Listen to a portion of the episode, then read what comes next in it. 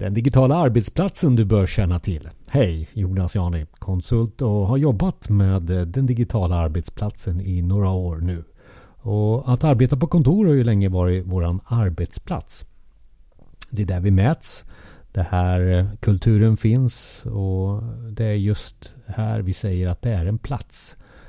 Men det förändras ju nu tillsammans med tankar om gigekonomi och bra genomförda digitala möten Ja, nu har vi haft det ett tag och, och känner att det kan funka på oavsett vart jag är någonstans. Nu ska vi bara hitta de där bevisen med KPI och ISO-standarder och de, de mätvärdena som vi behöver förhålla oss till. Det finns ju lagar och Eh, kontroller på den fysiska arbetsplatsen men hur är det med den digitala? Ja, vi har lite kvar där. Men Undersökningar från Microsoft visar på utmaningar också och även möjligheter.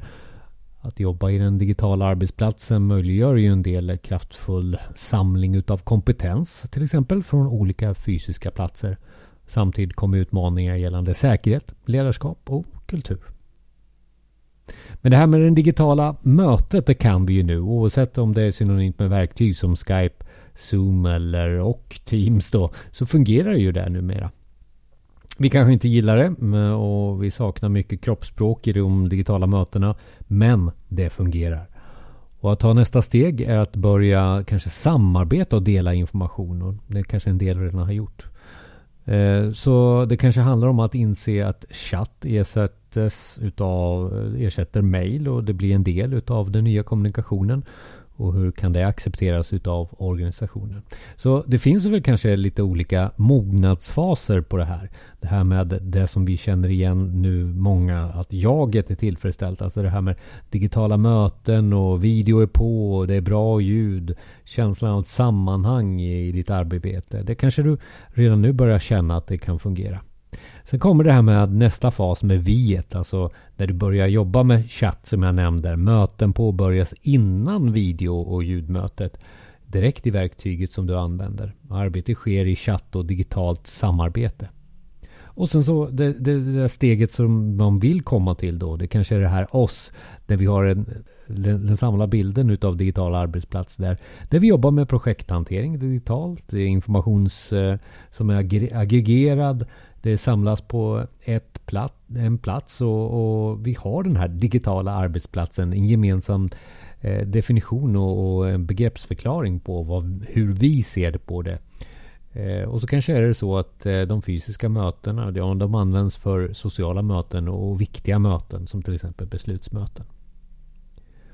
Och att använda verktyg som underlättar för användaren är ett steg. Känslan över bra användarupplevelse bör vara central. Att eh, börja och avsluta arbetsdagen i samma fönster eh, och förstå sig på de här gränssnitten oavsett om det kommer, det kommer nya funktioner i verktyget. Eh, det perfekta verktyget kanske inte finns men ett verktyg som är på bra väg till det är ju Microsoft Teams. Att verktyget nu då utökar funktioner för samarbete och appar gör att vi kanske snart inte behöver mejlikoner på skrivbordet och en separat eh, webbläsare. Det här pratar jag mer om då med eh, Fredrik Tolid i eh, podden Effekten.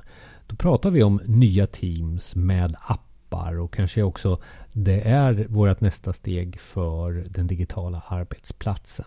Det kanske inte finns något facit på vad det är för någonting, men lite tips och idéer och lite erfarenhet gör att ni kan samla er i din, ditt företag, din organisation runt begreppet digital arbetsplats. Podden Effekten hittar du på effekten.se och mer på jonasjani.se.